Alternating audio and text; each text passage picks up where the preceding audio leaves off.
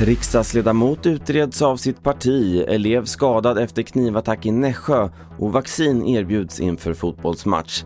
Jag först i TV4-nyheterna om att Moderaterna utreder en av sina riksdagsledamöter för olämpligt sexuellt beteende mot en minderårig enligt uppgifter till Expressen och Aftonbladet.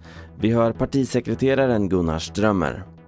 Jag vill inte gå in närmare på det men vi har en person som har kommit med uppgifter som handlar just om olämplig, ett olämpligt beteende och det är de som vi nu tittar på och processar enligt en, en för oss känd rutin. I Nässjö fick en elev föras till sjukhus efter en knivattack i matsalen på Brinnellgymnasiet runt lunchtid idag.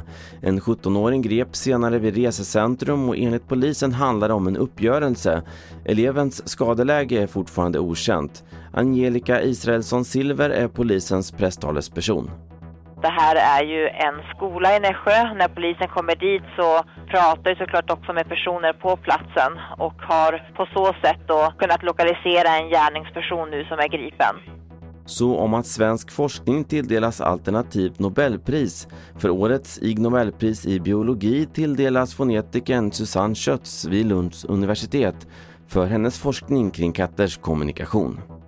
Jag har försökt använda ett fonetiskt alfabet för att skriva ner vilka vokal och konsonantliknande ljud som finns i ett jamande till exempel. Miau är ju inte alla jamanden som låter, det finns mycket variation där till exempel.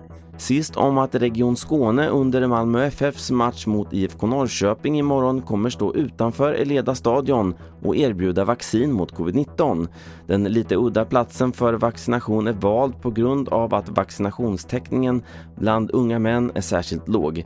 Maria Landgren är vaccinsamordnare på Region Skåne vi får ju se vad det ger imorgon. Jag hoppas på positiv respons och jag vill också säga att även om man inte ska gå på matchen så är man ju såklart jättevälkommen att komma och vaccinera sig.